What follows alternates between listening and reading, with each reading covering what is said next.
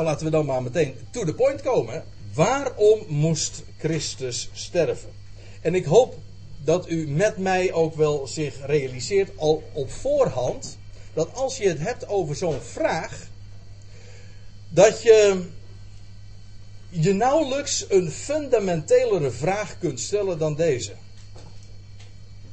Later zal die dat schriftgedeelte nog geprojecteerd worden op het scherm. Maar ik wil u nu al er even op wijzen dat Paulus schrijft in 1 Korinthe 15, vers 3, dat hij daar schrijft aan de Corinthiërs: Voor alles heb ik u overgeleverd dat Christus is gestorven voor onze zonde naar de schriften.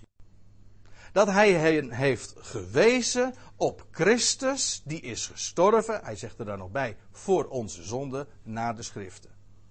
Daar blijft het niet bij, want hij zegt, hij zegt er pal achteraan en is begraven en ten derde dagen opgewekt naar de schriften. Oké, maar voor alles, hij is daarmee begonnen. Christus stierf. Hij is, al, eerder had hij trouwens aan de Corinthiërs geschreven dat hij had besloten om niets anders onder hen te brengen dan Christus en die gekruisigd. Hij noemt het evangelie in 1 Korinthe 1 ook, vers 18, het woord des kruises. Kennelijk is heel het evangelie hangt direct samen en is gebaseerd op het kruis. Oftewel op de dood van Christus. Waarna je de vraag moet stellen: waarom dan wel? Wat is de betekenis van Christus sterven? Kijk, je kunt natuurlijk direct de Bijbel gaan openen. Dat gaan we straks ook zo gauw mogelijk doen. Maar ik wil alvorens daar wat over te zeggen, wil ik eerst u eens eventjes meenemen naar de klassieke antwoorden daarop. Want omdat het zo'n fundamenteel onderwerp is, is er natuurlijk ook al heel veel over nagedacht en is er ook al heel veel over gezegd en geschreven. Dat is logisch. En hoe is dat zo benaderd? En dat is ook de reden waarom deze studiedag belegd is. Kijk, vorig jaar, een heel aantal van u die zijn daar toen ook eh, bij van de partij geweest. Toen hebben we een studiedag gehad en het thema daarvan was wat is verzoening? Eigenlijk zou je kunnen zeggen dat het onderwerp vandaag min of meer een vervolg daarop is. Het is een wat andere invalshoek, maar er zal voor een deel ook overlap zijn. Maar de vraag is een andere. Waarom moest Christus sterven? Het gaat niet specifiek over het onderwerp verzoening, hoewel dat zeker ook nog vandaag meer dan eens aan de orde zal komen. Maar waarom moest Christus sterven? En waarom hebben we daar een, een, vervolg aan geplakt, zeg maar. En dit jaar dan eh, opnieuw een studiedag aan dit thema gewijd. Wel, omdat daar ook zo enorm veel misverstanden. En nou zeg ik het nog eens heel zachtjes. Omdat er zo enorm veel misverstanden over dit onderwerp bestaan. En ik durf zelfs te zeggen, en ik hoop dat ik u daarin straks ook kan meenemen, dat ik het u kan laten zien en dat u kan aanwijzen, kan bewijzen, dat de klassieke benadering in wezen een omkering geeft van wat de schrift werkelijk zegt. En dat is ontstellend. Laat ik om te beginnen eens wat benaderingen geven zoals traditioneel antwoord gegeven wordt op deze vraag. Waarom moest Christus sterven?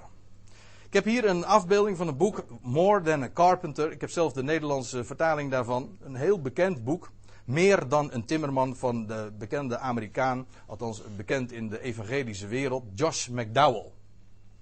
En ik heb ongelooflijk veel van deze man geleerd. Het is een schitterend boek. Hij, hij gaat in dit boek vooral in op de, op de historiciteit van de opstanding van de Heer Jezus Christus en waarom het Nieuwe Testament een historisch volstrekt betrouwbaar document is. Een geweldig boek.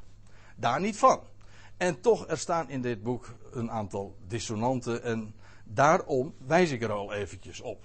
Hij gaat in op de vraag waarom Christus moest sterven. En luister naar zijn antwoord. Zijn antwoord is helemaal niet zo verbazingwekkend. Dat wil zeggen, is gewoon mainstream. Dat wil zeggen, het is gewoon de, de, de vertolking van het. Ja, wat in, in het algemeen gezegd wordt, in het algemeen geantwoord op de, wordt op de vraag van waarom moest Christus sterven. Josh McDowell brengt het zo onder woorden. Toen hij naar het kruis ging, bijna 2000 jaar geleden, stortte een heilige, rechtvaardige God zijn toorn uit over zijn zoon. En toen Jezus zei: Het is volbracht, was Gods rechtvaardige aard tevreden gesteld. Ik lees even verder. Je zou kunnen zeggen dat God op dat moment verlof kreeg om de mensheid met liefde te behandelen, zonder een zondig mens te hoeven verdelgen. Lees u? Wat, wat, het, wat, het antwoord is van Josh McDowell op de vraag van waarom Christus moest sterven? Wel, het was noodzakelijk, want God is rechtvaardig. En God moest, torende over de zonde. En hij heeft zijn toren uitgestort over zijn zoon. En toen dat was volbracht, toen was God tevreden gesteld, zijn rechtvaardige aard was voldaan. En nu kan hij inderdaad met verlof, nu kan hij naar zijn gerechtigheid ook de mensheid met liefde behandelen. Dat is wat Josh McDowell daarover zegt. En ik kan er u al op voorhand eventjes dit zeggen. Gewoon ik stel alleen nu nog maar de vraag. U begrijpt wellicht waar ik naartoe wil. Maar laat ik, laat ik het stap voor stap opbouwen. Ik stel nu alleen nog maar de vraag: waar in de schrift? Het is een Bijbelstudiedag? Toch? Ja, het, gaat, het is niet interessant wat, uh, wat er uh, allerlei kerkelijke autoriteiten of beleidenisgeschriften naar voren brengen. Daar gaat het niet om. Het gaat er gewoon om wat staat er gewoon geschreven. Waar in de Bijbel wordt één keer gesproken over Gods toorn in verband met kruis. Of over zijn gramschap. Of over zijn boosheid. Of termen van gelijke strekking. Eén keer. Ik bedoel, als het zo fundamenteel is, dit antwoord.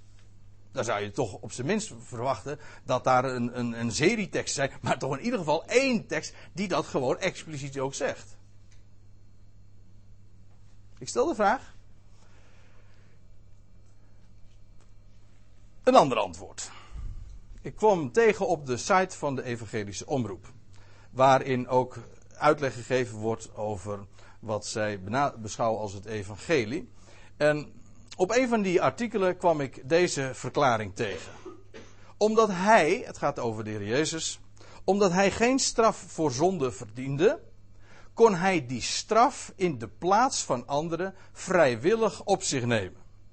In zijn dood aan het kruis heeft hij dus plaatsvervangend onze straf gedragen. Dat betekent dat de straf voor onze zonde al is betaald. In wezen komt dit antwoord op hetzelfde neer als wat Josh McDowell al naar voren bracht. Het is het antwoord van Gods toorn, Gods straf moest voldaan worden, de schuld moest worden betaald. Daarom stierf Christus. En als ik dit zo naar voren breng, kan ik me voorstellen dat u zegt van ja, dit is toch, dit is toch duidelijk, dit is toch altijd het antwoord al geweest. Ik, ik weet eigenlijk ook niet beter dan dat het zo is. Dan heb ik goed nieuws voor u, dan bent u precies op de goede plek vandaag. Want daarover gaan we het nou hebben. En als ware Bereërs de vraag stellen, waar staat dat dan geschreven? Is dat zo? Strikkie, om, om, om zulke ja, om zulke dingen die, die zo vanzelfsprekend zijn, om daar een vraagteken achter te gaan zetten. Voor sommige mensen is dat ook angstig. Als je vraagt, blijft er dan niks overeind staan? Maar er, ja, er blijft één ding overeind staan en dat is het woord. Maar dus de vraag is, wat zegt het woord daarover? En dan blijkt inderdaad dat weinig in de traditie overeind blijft. Dat is mijn ervaring tot dusver. Dat is trouwens niks nieuws. Want dat is precies hetzelfde als wat de Heer Jezus ook al zei tegen zijn tijdgenoten en tegen de schriftgeleerden van zijn tijd. Hij zegt, jullie hebben, de, jullie hebben de, het woord van God van zijn kracht beroofd ter wille van jullie overleveringen. Het is altijd zo dat menselijke overleveringen, menselijke traditie, het woord van God overwoekeren en allerlei misverstanden zo hun plaats innemen en in wezen inderdaad de plaats van het woord van God innemen. Plaats vervangen, ja. ja. De Heidelberger Catechismus. Ook die heeft, geeft antwoord op deze vraag. De Heidelberger Catechismus is een hele verzameling vragen. al eeuwen, een document van eeuwen oud. En daarin wordt de vragen gesteld en vervolgens worden daar antwoorden op gegeven. Zondag 16. Waarom heeft Christus zich tot in de dood moeten vernederen? Nou, dat is de vraag van vandaag. Nou, het antwoord. Daarom, een beetje oud-Nederlands, maar ja, wat wil je met zo'n oud document? Hè? Daarom dat vanwege de gerechtigheid en waarheid Gods niet anders voor onze zonde kon betaald worden dan door de dood des zoons Gods. Dus ook hier weer hetzelfde antwoord. Het is vanwege de rechtvaardigheid van God, God toornde. Er moest een rekening vereffend worden. Er moest betaald worden aan God. Johannes Calvijn is dit. Ja, dat weet u niet. U bent hem nooit tegengekomen. Daarom zeg ik het er even bij. Maar dit is een leuke foto, hè? Ja. Hele spitse man was het, dat kunt u wel zien. Spitsvondig. Maar uh, Johannes Calvijn schrijft in de institutie, deel 2, hoofdstuk 16. God is de mens. Dit is, ik moet zeggen, wel de, de sterkste uitspraak. Ik hou, ik hou van duidelijkheid. En daarom uh, hou ik in die zin ook wel van deze uitspraak. Want dit schept in ieder geval. Hier, wordt, hier worden dingen gewoon opgediend. Gewoon zoals het uh, bezien en beleefd wordt. Dus er worden geen doekjes omgewonden. Dat, zo, daar was Calvijn helemaal niet de man naar. En dat waarderen we in hem. Dus dat, laat ik dat dan eventjes ten, ten goede van hem zeggen. Uh, maar daar blijft het ongeveer ook bij, want uh, wat hij vervolgens schrijft is dit. God is de mens een vijand geweest. God de Vader is door Christus offerande voldaan en verzoend. Zijn gramschap is door deze voorbidder gestild. Laat hem even goed tot u doordringen wat, wat Calvijn hier zegt en schrijft. God is de mens een vijand geweest. Nou, vorig jaar, maar ik zal het vandaag later op de dag ook nog laten zien. De Bijbel zegt. Het is precies omgekeerd. God is de mens nooit een vijand geweest. Dat is één. God de Vader is door Christus offerande voldaan. Waarbij uh, het idee is dat het kruis het offer is. Schrik niet. Dus niet wat de schrift zegt. Het kruis, ik zal dat later allemaal duidelijk maken, aantonen. Het kruis is de slachting. Het offer volgde erop. Ik heb het nu even aangestipt. Later ga ik het aantonen. En dan zijn gramschap. Oh ja, uh, God de Vader is door Christus offerande voldaan en verzoend. God is nooit verzoend. Nergens leest u dat in de Bijbel. God verzoent de wereld met zich. Niet hij verzoent zich met de wereld, de wereld hij verzoent de wereld met zich. Hij is geen vijand. God is ook niet vol, uh, verzoend. God is ook niet voldaan. Zeker niet door de kruisdood, want dat was het ergste wat er ooit plaatsvond. Daar heeft God zijn aangezicht afgewend. Dat was niet een, uh, een moment van voldoening. En bovendien zijn gramschap is niet gestild alsof God, God, even met eerbied gesproken, ja, voor zover je het zoiets met eerbied kan zeggen, alsof God stoom moest afblazen of zijn, zijn toren plaatsvervangend op een ander neerlegde. Wat voor een idee heb je daarbij trouwens van gerechtigheid? Hè? Wat, wat, is daar rechtvaardigheid? Uh, rechtvaardig aan om de toren een ander te geven? Enfin, daar zitten zoveel misverstanden, uh, ja, ook dit nu weer zacht gezegd aan vast. Zijn gramschap, zijn toorn, ik heb het al even aangegeven. Nooit lezen we in de schrift in verband met het kruis over Gods gramschap en over zijn toorn.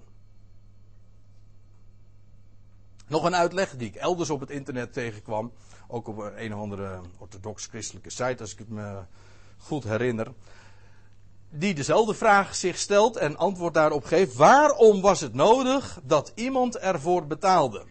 Dat wil zeggen voor onze schuld. Had God de schuld niet kunnen afschrijven zonder dat iemand voor ons stierf? Die vraag.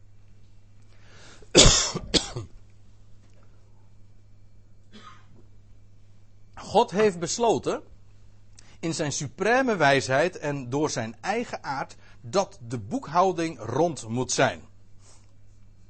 Iedere schuld moet voldaan worden. Om vergeving en eeuwig leven voor ons mogelijk te maken, moest iemand de schuld betalen. Die we op onszelf geladen hadden. Iemand moest de doodstraf in onze plaats ondergaan. Weer zo'n antwoord. In, in dezelfde lijn als de antwoorden die ik u al eerder voorlas. Van Calvijn en de catechismus en Josh McDowell en die EO-site hier weer. God is, het is een, een, uh, het begrip van recht dat hier naar voren komt, dat is een Romeins, een Latijns rechtsbegrip. Heeft niets te maken met het Hebreeuwse uh, gerechtigheid, Hebreeuwse tzaddik. Helemaal niets daarmee te maken, alsof het een boekhoudkundig uh, begrip zou zijn. Van vrouwen justitia, van alles moet in balans zijn, debet en credit. Het is, ook hier weer dat, dat, de gedachte van dat de schuld betaald zou moeten worden. Ik zeg er ook nog eventjes bij. Als dat zo is, dan betekent vergeving niks. Laat dat even goed op u inwerken. Als de schuld betaald is, is vergeving een loos begrip geworden. Als Golgotha inderdaad het embleem van vergeving is, dan kan daar geen schuld betaald zijn. Kijk, als ik, Kobi, 100 euro schuldig ben, en mijn vader, die zegt, is een vermogende man, per slotverrekening. Uh, en, en die zegt van, André, jij bent een beetje arm, ik zal het aan Kobi die 100 euro betalen. Dan komt Kobi naar mij toe. De 100 euro is door mijn vader gegeven aan haar. Dan komt Kobi naar me toe en zegt tegen mij: André, die schuld heb ik kwijtgescholden. Gescholden. Ik uh, vergeef het je. Dat is onzin, hè? Er is namelijk dan helemaal niks vergeven. Zij heeft helemaal niets vergeven, want het is gewoon, namelijk, de rekening is vereffend. Het is gewoon betaald. Als er betaald is, is vergeving een leeg begrip. Dus het is of vergeven, dan kwijtgescholden. Of het is betaald. Kan niet beide. Goed. Het komt allemaal nog uh, uitgebreider aan de orde. Ook dan nog even dat andere punt. Uh, wat hier aan het einde staat. Iemand moest de doodstraf in onze plaats ondergaan. Als, dat, als ik dat logisch op me laat inwerken, dan betekent dat dat ik dus niet dood zou gaan. Toch? Maar wij zijn allemaal stervelingen. Wij gaan allemaal dood. Nou ja, ik heb het nu even niet over de uitzondering die er zal plaatsvinden wanneer Christus terugkomt en wij nog in leven zijn. Maar normaal gesproken, wij zijn stervelingen. Wij zijn onderweg naar de dood. Maar hoezo dan dat Christus plaatsvervangend voor ons de doodstraf heeft ondergaan? Gaan wij dan niet meer dood? Waar is de logica? Dat is de eerste vraag. Wat voor begrip van gerechtigheid, wat voor begrip van vergeving heb je als je zulke dingen schrijft? Nou zou het kunnen zijn dat gewoon dit naar voren gebracht wordt omdat de schrift het zegt. En dan moet ik buigen en zeggen van nou, sorry, ik begrijp het niet, maar als de Bijbel het zegt, oké, dan leg ik mij daarbij neer, dan is dat gewoon zo. Maar wij stellen ons de vraag, zegt de schrift dat ook? Nou, ik kan u al vast verklappen, het antwoord is nee. De schrift zegt dat niet zo. En ik, ga dat, uh, ik wil dat stap voor stap vandaag eens met u aantonen. Oh, laat ik eerst nog eventjes de samenvatting dus geven van de klassieke visie op de vraag op het waarom Christus moest sterven. Nou, dat is in de eerste plaats dus de schuld moest aan God betaald worden. Dat is het eerste antwoord. Tweede antwoord, Gods toren moest gestild worden. Derde antwoord, dit is uh, het noodzakelijke offer om God voldoening te geven.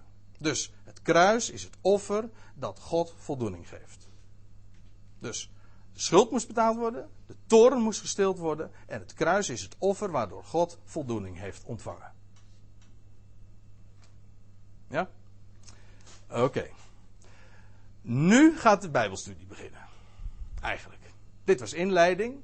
Dit is wat we zo al Gewoon als je een christelijke achtergrond hebt, dit weet je, dit zijn vanzelfsprekendheden. En als je, daar, als je ooit uh, daar uh, wat meer uh, je hebt mee bezig gehouden, of je hebt een theologische opleiding of zo gevolgd, dan ben je daarin ingeleid. Dit hoort zeg maar bij het basispakket, dat weet je gewoon, zo, zo liggen de dingen.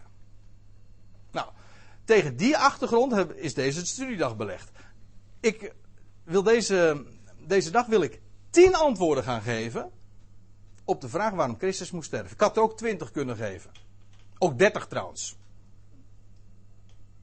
Maar ik houd het met tien. En het zijn vooral tien antwoorden, vooral niet uitsluitend.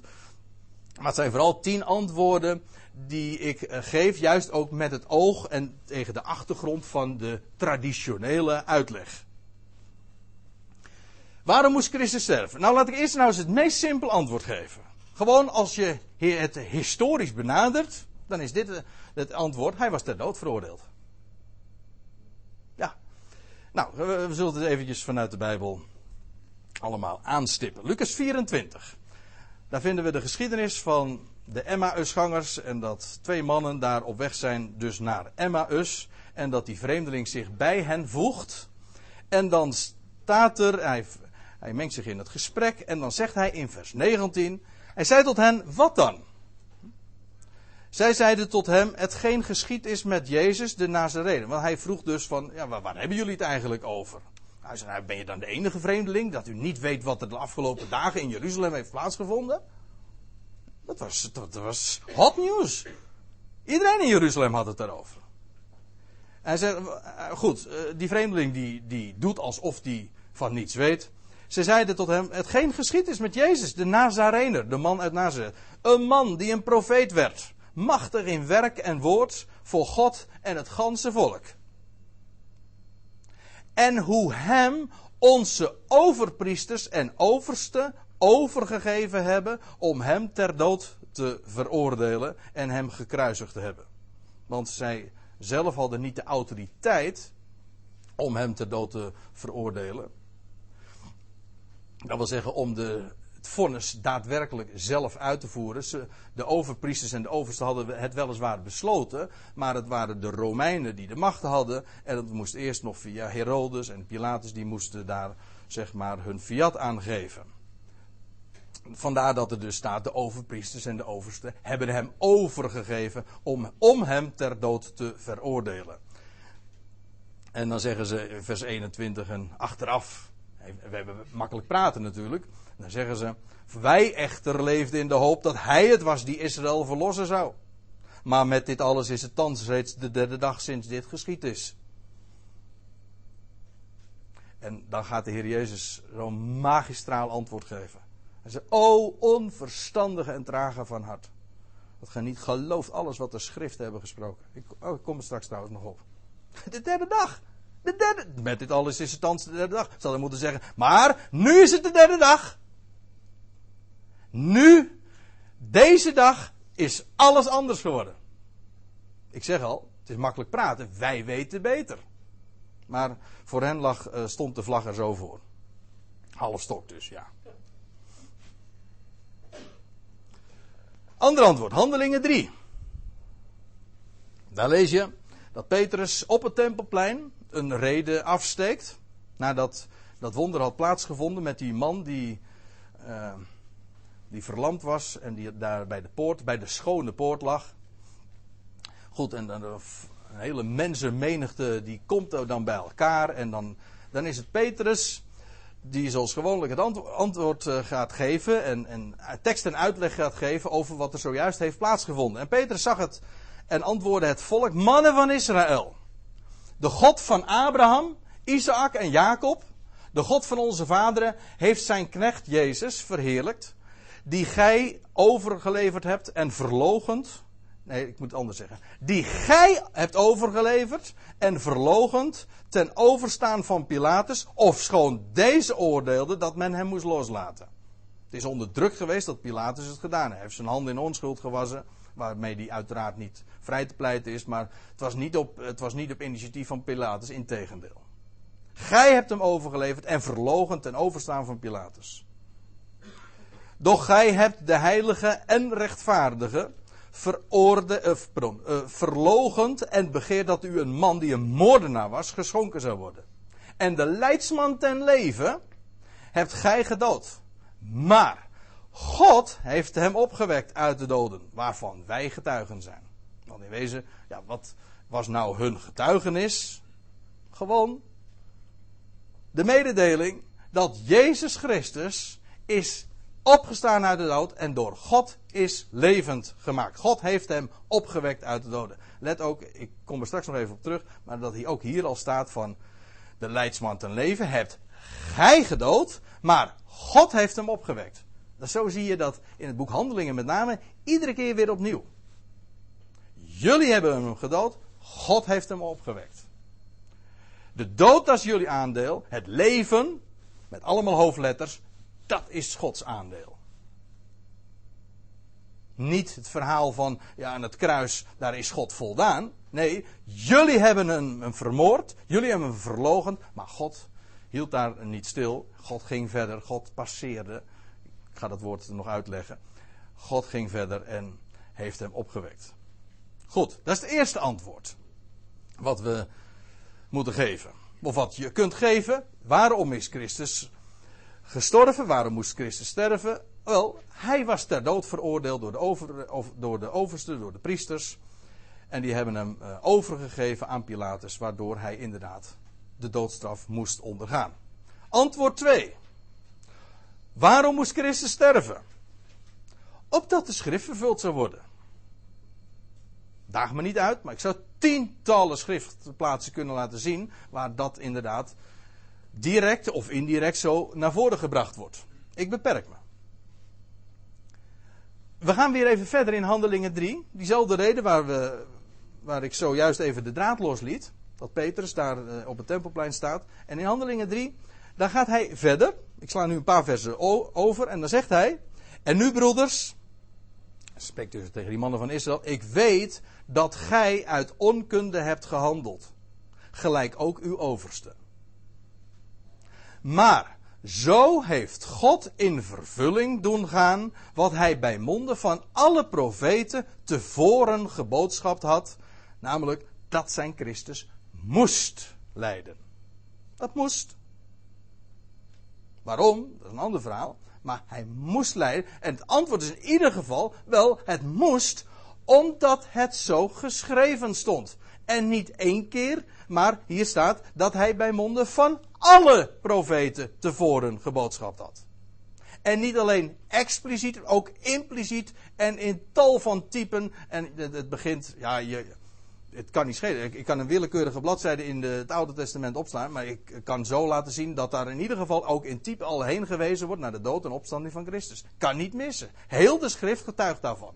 Heel de schrift. Zo heeft God in vervulling doen gaan. En zij waren daar eh, onkundig over. Hè? Gelijk ook de overste.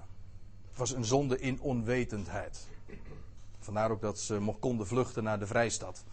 Maar laat ik daar verder nu even niet over praten. We slaan even een hoofdstuk terug.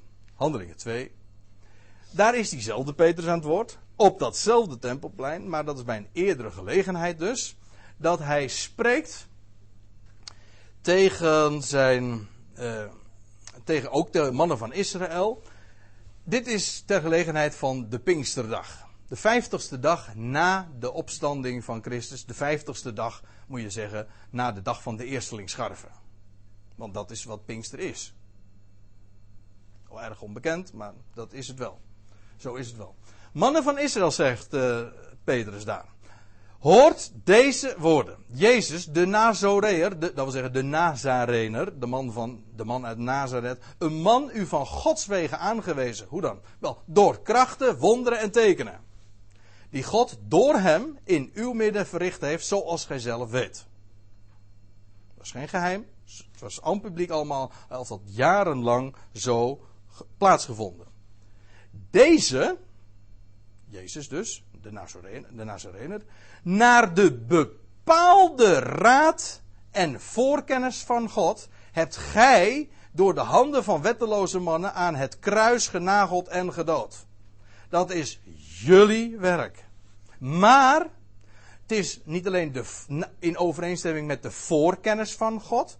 God wist het niet alleen, maar God had het ook allemaal laten optekenen. Het was ook naar de bepaalde raad van God. Het moest ook zo gebeuren.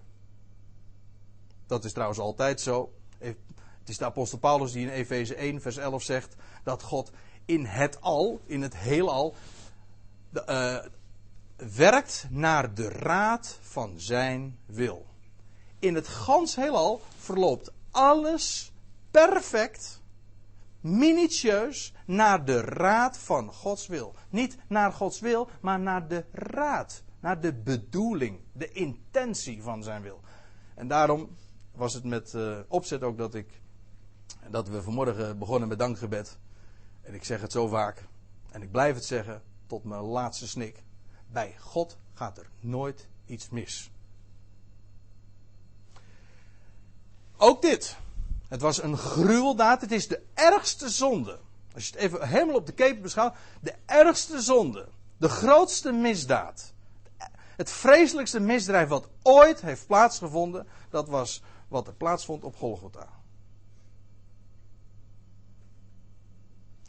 Maar het was niettemin naar de bepaalde raad van God. Hij wist het niet alleen van tevoren, het moest ook zijn. Het was naar zijn bedoeling.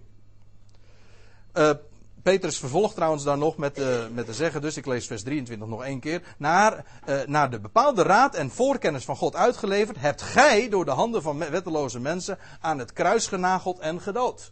God, evenwel, heeft hem opgewekt, want hij verbrak de weeën van de dood, nadien het niet mogelijk was dat hij door hem werd vastgehouden. Prachtig. Ik wilde trouwens nog even op wijzen. Uh, viel me juist vanmorgen op. Het is kerstvers dus, manna, het manna van vandaag. Uh, dat er staat, hij verbrak de weeën van de dood. Ik dacht, hé, hey, dat, dat, is opmerkelijk, de weeën van de dood. Nou, waarbij de, de dood wordt voorgesteld als een moederschoot. En dat, dat werpt ook zoveel licht op, de, op, op het begrip wedergeboorte. Een mens wordt geboren en hij wordt wedergeboren. Hij ontvangt nieuw leven. Ja, uit de dood. De dood wordt als een moederschoot hier beschouwd. Opgestaan, Petrus zegt, diezelfde Petrus zegt in, in zijn brief dat wij zijn wedergeboren. We hebben nieuw leven ontvangen uh, door de opstanding van Jezus Christus. Goed. We bladeren weer wat verder. We blijven in handelingen. Handelingen 13. Daar schrijft. Daar zijn we inmiddels niet meer bij Petrus, maar daar is Paulus de hoofdrolspeler geworden. Daar is het stokje overgegeven aan van Petrus aan Paulus. Met uh, allemaal specifieke en belangwekkende redenen, maar die doen nu niet de zaken. Paulus zit daar aan het woord. En hij, uh, hij is daar in Antiochië. Dat wil zeggen Antiochië in Pisidië. In, uh, in uh, het huidige Turkije, zeg maar. En daar, daar is hij in de synagoge. En dan zegt hij. Want die te Jeruzalem wonen en hun overste. Hebben, he, want hij spreekt hier tegen buitenlandse Joden. Daar maakten zij niet direct deel van uit, natuurlijk. Want die te Jeruzalem wonen en hun overste hebben hem, de heer Jezus, niet erkend. Letterlijk staat er niet gekend. Het woordje agnost. Daarin. En zij hebben de uitspraken van de profeten, die elke dag worden voorgelezen, door hun oordeel, dat wil zeggen zoals zij oordeelden wat er gedaan moest worden met Jezus, vervuld. Zij waren dus ook hier, ook Paulus brengt dus naar voren van het is gewoon onkunde geweest elke sabbat luisterden ze naar wat die profeten hebben, op, hebben laten optekenen, of zelf hebben opgetekend. Maar het was hun niet bekend. En ze hebben hem ook door die schriften niet herkend. En ze, en ze hebben de uitspraken van de profeten, die elke sabbat worden voorgelezen, door hun oordeel vervuld. Dus dus in overeenstemming naar de schrift. En hoewel zij geen grond vonden uh, voor doodstraf. Oh, pardon. En hoewel zij geen grond voor doodstraf konden vinden, hebben zij Pilatus gevraagd hem ter dood te brengen. En toen zij alles volbracht hadden wat van hem geschreven stond. Dus u ziet het hè. Het antwoord 2 is: waarom moest Christus sterven? Wel om opdat de schrift vervuld zou worden. Daarom. En hier staat ook: toen zij alles volbracht hadden. In hun blinde haat Er was ultieme zonde, maar het moest gebeuren, want dat stond van hem geschreven. Toen zij alles volbracht hadden wat van hem geschreven stond, namen zij hem af van het hout en legden hem in een graf. Maar God heeft hem uit de doden opgewekt. Zij hebben hem ter dood gebracht, gekruisigd, gefolterd, miskend, etc. Maar God heeft drie dagen later hem uit de doden opgewekt. En ik zei al, zo is het altijd in het boek Handelingen. Het is niet zo dat, dat, uh, dat het kruis van Golgotha wordt voorgesteld als, als een, een plaats waar, waar God voldoening heeft ontvangen. Integendeel. Jullie hebben hem ter dood ge, gebracht. Maar God houdt uh, daar niet stil. God heeft hem opgewekt. Waarom heeft hij hem opgewekt? Om jullie, en Paulus zou later nog gaan toevoegen, en de hele wereld, om jullie het leven te geven. En dat hij eersteling zou zijn van dat nieuwe leven. Dat was de reden. Dat is Gods aandeel. Ik kan, kan u zo een aantal voorbeelden geven. Hoofdstuk 4, vers 10. De Nazoreër die gij gekruisigd heeft, maar die God heeft opgewekt uit de doden. Hoofdstuk 5, vers 30. De God van onze vaderen heeft Jezus opgewekt, die gij hebt gehangen aan een hout en omgebracht. Hoofdstuk 10, vers 39 en 40. Zij, dat is Petrus in het huis van Cornelius. Zij hebben hem gedood door hem te hangen aan een hout. Hem heeft God ten derde dagen opgewekt. Zie je? Iedere keer is het hetzelfde in het boek Handelingen. Gij hebt hem gedood, gij hebt hem aan een hout gehangen, maar God heeft hem opgewekt ten derde dagen. En inderdaad, naar de schriften. Hè? Lucas 24. We waren daar al eerder. Soms is er wat, wat overlap, omdat de, de, de antwoorden op de, vraag, de identieke vraag die steeds gesteld wordt, omdat de antwoorden soms wat uh, in elkaar grijpen en dan krijg je dat. Maar eerder haalde ik Lucas 24 aan om aan te tonen dat het, het er waren de, over, of de oversten en de priesters en de schriftgeleerden die Jezus hebben overgeleverd. Ze hadden daartoe besloten. Nu haal ik Lucas 24 om een andere reden aan. Namelijk om te laten zien dat het moest gebeuren omdat het stond geschreven. Oh ja. De heer Jezus spreekt hier tegen de emmersgangers. En dan, nadat zij hun verhaal hebben gedaan, en de Heer heeft dat gewoon welwillend aangehoord, en ze hebben zo hun beklag gedaan. En dan, gaat de heer, dan steekt de Heer van wal. Hij zei tot hen, o onverstandige en trage van hart, dat gij niet gelooft alles wat de profeten gesproken hebben. Moest de Christus dit niet lijden om in zijn heerlijkheid in te gaan? En hij begon bij Mozes. Ja, daar wordt altijd onder verstaan de vijf boeken van, de vijf boeken van Mozes. En dat geloof ik ook. Maar nou, ik moet er even aan denken dat Mozes, de naam Mozes betekent uit het water getogen. En dat water was gewoon doodswater hoor. Het was gewoon, hij, eigenlijk is uh, Mozes gewoon aan de dood ontsnapt. Hij is gewoon uit de dood getrokken. De heer Jezus gaat uitleggen dat de heer Jezus moest sterven en dat hij moest opstaan. En hij begon bij Mozes. Hij had, hij had alleen al kunnen blijven stilstaan bij de betekenis van de naam Mozes. Want dat naam Mozes die verwijst in wezen al de leider van Israël. Maar hij, ja, hij is aan de dood ontsnapt. Hij is aan de dood onttrokken. Maar goed. Uh, dat was even een uitstapje. Hij begon bij Mozes en bij al de profeten en hij legde hun uit wat in al de schriften op hem betrekking had. En nou sla ik een heel aantal versen over. Want inmiddels is dit al de avond en dan zijn de Emmausgangers weer in Jeruzalem. En dan zegt de Heer Jezus, hij zeide tot hen, die, degenen die daar vergaderd waren, dit zijn mijn woorden die ik tot u sprak toen ik nog bij u was. Dat alles wat over mij geschreven staat, want de Heer Jezus had van tevoren al aangekondigd dat hij zou sterven, dat hij zo veel lijden zou ondervinden van de overheden en, de, en van de oversten en de priesters. Dat is waar. Hij had, aangekondigd, hij had ook al aangekondigd dat hij ten derde dagen zou opstaan uit de dood.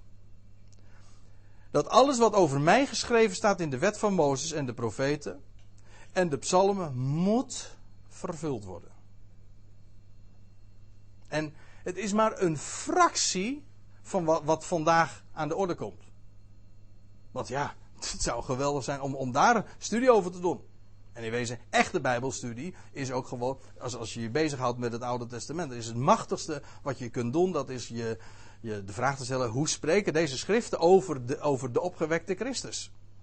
Nou, de heer Jezus heeft daar toen op die, eh, op die dag van de eerstelingsscharven heeft hij daar een Bijbelstudie over gegeven. Over wat geschreven staat in de wet van Mozes, de profeten en de psalmen. Denk bijvoorbeeld aan psalm 22. Een hele lange psalm is dat. En dat gaat van het begin tot het einde gaat het over de dood en de opstanding van Christus. Nou, het moest vervuld worden. En toen opende hij hun verstand, zodat zij de schriften begrepen. De schriften gingen open en nou opende hij ook hun verstand. En eerder die dag was trouwens al het graf geopend. Alles ging open.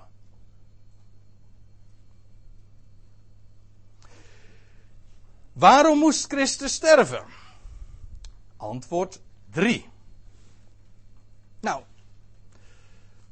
het antwoord heeft niet direct zozeer te maken met de, de klassieke benadering of met de theologische achtergronden waarop altijd antwoord gegeven wordt, maar ik wil het toch eventjes genoemd hebben.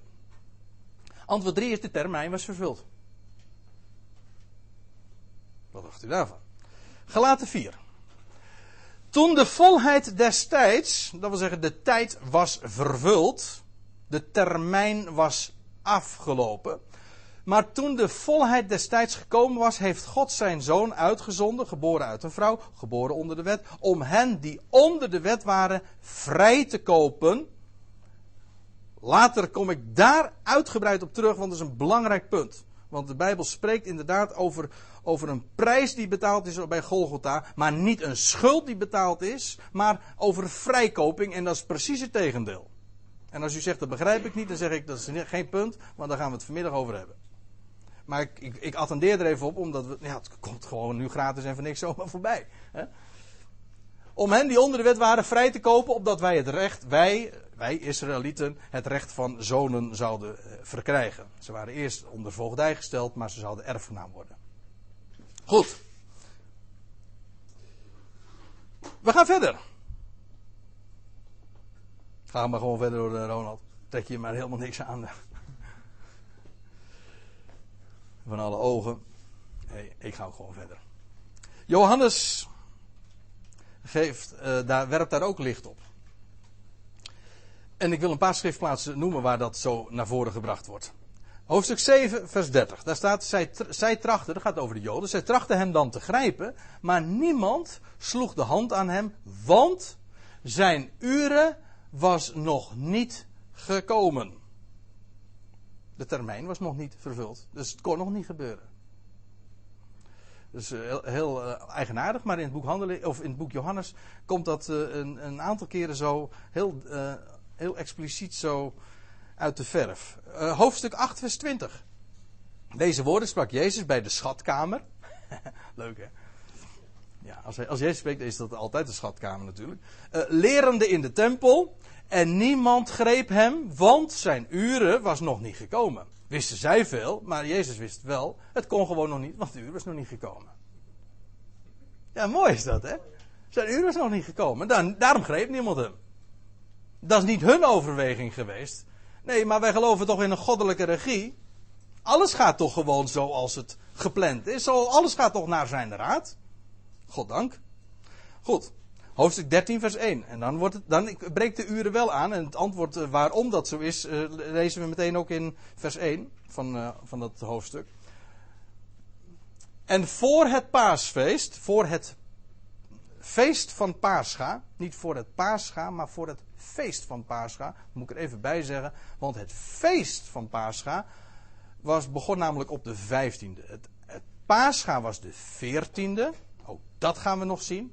we hebben nog zoveel te doen vandaag. Maar de 14e is het Pascha. Maar het feest van Pascha begon op de 15e. Pascha zelf is nog niet het feest. Om dezelfde reden dat Goede Vrijdag bij ons ook geen feest is. Het, het feest dat is daarna. Dode herdenking is ook geen feest. Het is wel hoogtij, maar het is niet het feest. De, uh, het feest begint daarna. Nou, en voor het feest van Pascha, toen Jezus wist dat zijn uren gekomen was. Nu was het uur gekomen. De termijn was vervuld. Maar dat was inderdaad in overeenstemming met de schriften. Want weet u nog dat, het is volgens mij uh, twee jaar geleden, of is alweer drie jaar geleden, dat we een studiedag hebben gehad over de 70 jaarweken van Daniel.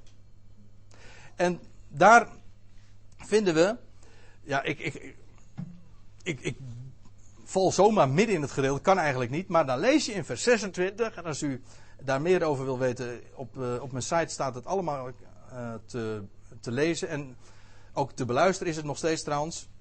Dus als u daar interesse in hebt, dan. Uh, een hele studiedag is daarop ingegaan. In vers 26 van Daniel 9 wordt er gezegd. En na de 7.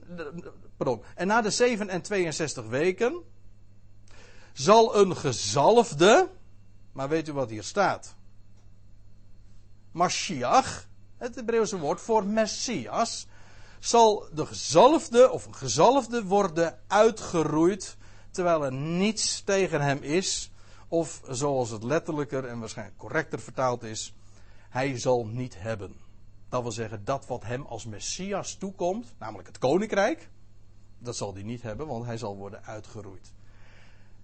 En ja, dat, dat is zo geweldig als je daarmee bezighoudt, want wat je dan dus gaat ontdekken, en je gaat, uh, je gaat zien wanneer dat, die, die 70 weken ingingen. Dat is in 457 voor Christus. Toen de muren van, je, van Jeruzalem herbouwd moesten gaan worden. En, je rekent dan gewoon precies die termijn. Je rekent dan gewoon die termijn uh, door. Dan kom je uit in het jaar 27. Dat is het jaar dat de Heer Jezus inderdaad gezalfd werd met de geest. Hij ontving toen de geest toen hij gedoopt werd in de Jordaan. En nog een drieënhalf jaar later, in het jaar 30 was dat, toen stierf hij. Toen werd de gezalfde uitgeroeid. Precies op het tijdstip dat was aangekondigd. De termijn was vervuld. De uren was gekomen. Ik zie dat het 11 uur is. Ja, ik kijk even op mijn klokje, want uh, waarom kijk ik zo uh, demonstratief op mijn klokje? Want we gaan namelijk weer een ander antwo antwoord komen. En dat is een beetje uitgebreider. Ik stel voor dat we het hier even bij laten. We gaan eerst even een half uurtje pauzeren.